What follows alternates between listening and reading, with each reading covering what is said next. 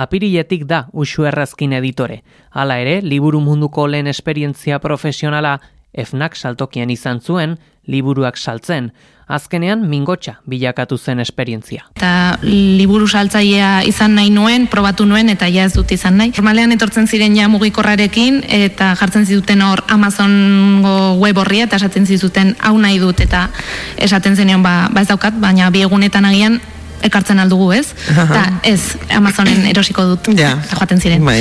Zorian aldaketa izan zuen razkinek erein argitaletxaren telefono deia jaso zuenean, lehen topaketan eskaini zioten lanpostua eta berak argi du, ez da ikasketa zehatzik behar editore izateko. Eta dei hori jaso nuen, eta hartu nuen sorpresaz. Ze, ba, bai, esan ziaten, ba, ereinetik eh, deitzen zaitugu, eta, bueno, zurekin e, ba, hori galdituko gara, elkarrezketa bat egiteko, eta iruñera etorri ziren eta ba justo mm, elkarrizketa bueno e, ez zen lan elkarrizketa egon baizik eta pixka bate galdetu e, ba hori iruñan nengoen e, eta zuzenean esan ziaten nahi duzu editorea izan eta nik esan nien ba ezakit zer den, baina bai. Adibidez, ez dago karrerarik, ze editore batzuk da nik azetaria naiz. Eta orduan, e, ba ikusten ditut batzuk e, historian graduatuak edo, edo filologian, eta nik azetaria ez. Eta haiei esan nien, e, ez dagoela karrera bat e, zehazki, e, ba, editore izateko e, prestatzen prestatzen edo bai, bai. Eta eta horretaz gain ez dago ere adibidez infojobsen e, ba hori lan eskaintzarik, ez? Editore bat behar dugu, osea, hori mm, behin dator bizitzan eta batzutan ez datoz, ez? Editore postuan ze idatzi liburu bihurtuko den ardura du. Honek erantzukizuna eskatzen du askotan ezetzkoa eman behar duelako erabakia asko hausnartu ostean. Ezetzak neurtu bar dira, ze batzutan zaila da ezetza e, e, ba hori esatea, ez, idaztea, e, de, deitzen baduzu pertsona hori, ba, are zailagoa, e, baina horrekin nik uste, mm, ez dakit, bakea behar du dala horrekin. Bai, egin behar dezu hor, bai, bai, lan, lan bat, bai, lan bat, ze, bai, hori, pentsatzen dut, boltak ematen dizkiot, eta azkenean, bai, ja, zalantzan jantzen dut, mm, nire irizpidea, ez? E, ba, hori, kontutan hartu duan, e, ba, irizpidea ezaugarria, eta hori zalantzan jartza ere, eta behin eta berriz, eskuizkribu batekin, ba, hori, hori, ja, alegia, alegia, moduak asko zeintzen ditu usu errazkinek ezetza emateko unean. Idazlek barrutik ateratakoa konfiantzaz aurkezten diote eta kontestu honetan gogorra izan daiteke ezezkoa.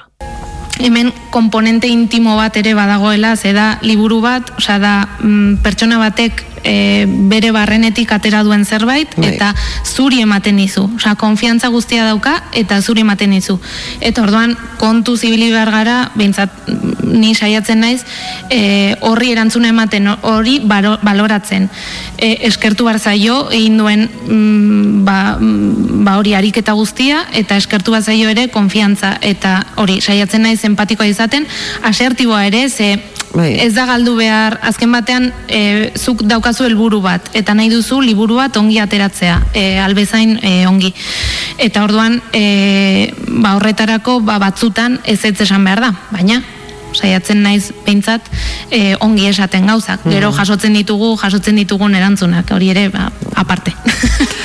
ez ezaguna da editore ofizioa, ez ezagutzaren eraginez, pentsa dezakegu editore batek inguru erlaxatu batean egiten duela lan, edo nahi beste denbora duela liburu proposamenak irakurtzeko.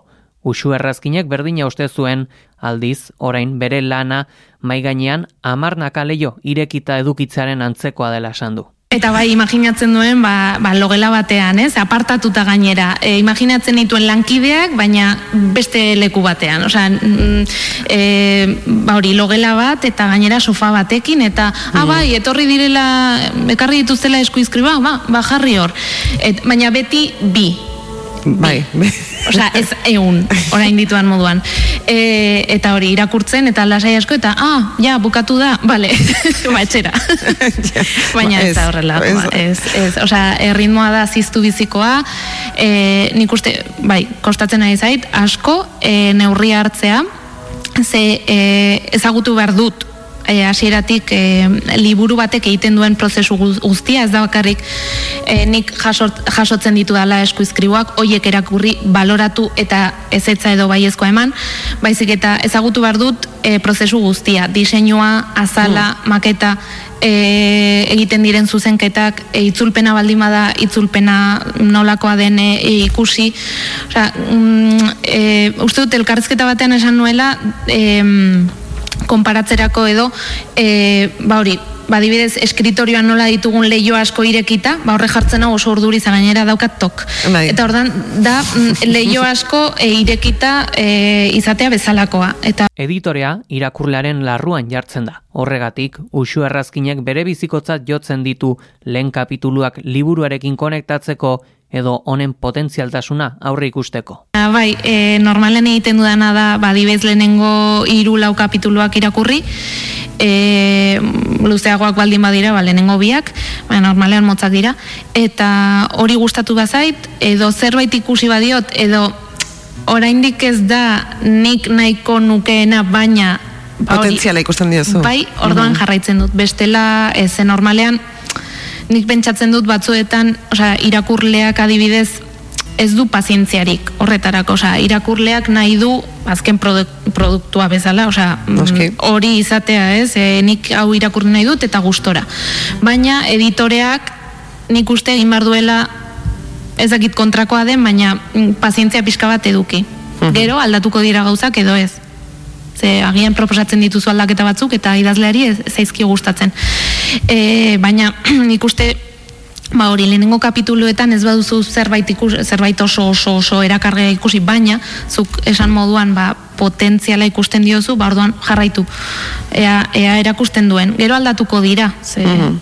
editore e, nik uste editore e, lana hori dela ez pixka bat aldatzea hobetzea ez dakit mm, den hitz egokiena baina bueno mm. e, idazlea ba, laguntzea horretan lan horretan hogeita bederatzi urte ditu usu errazkinek, gaztea da bere ogibiderentzat.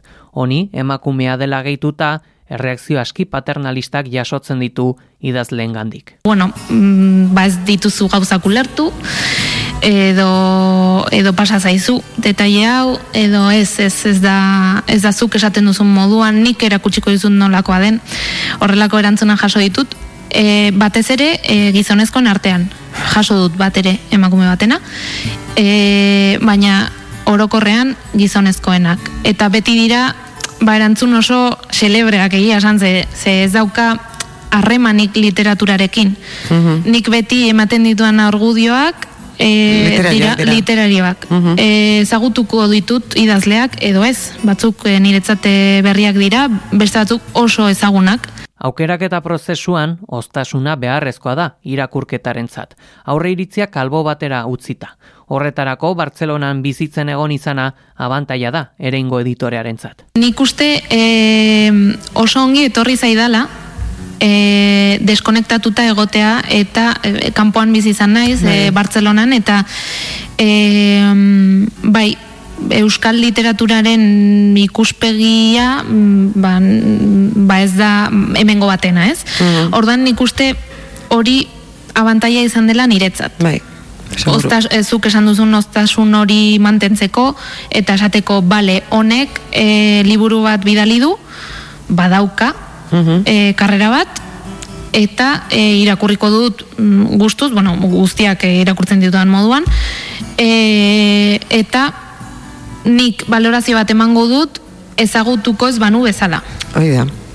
Eta iruditzen bazait, adibidez, ba, ideia oso ona dela, baina ez duela e, ba, ongi islatu edo planteatu, ba, esango diot, ba, adibidez, ba, ideia interesgarria iruditu zait, baina gian zergaitik ez duzu probatzen ezakizer. Eta gian esango dizu, ba ez. Ba ez. Osa, hau, hau da. Hola geratzen da. Eta jazta, eta ordan esango dizu, ba, ba, ba hemenez.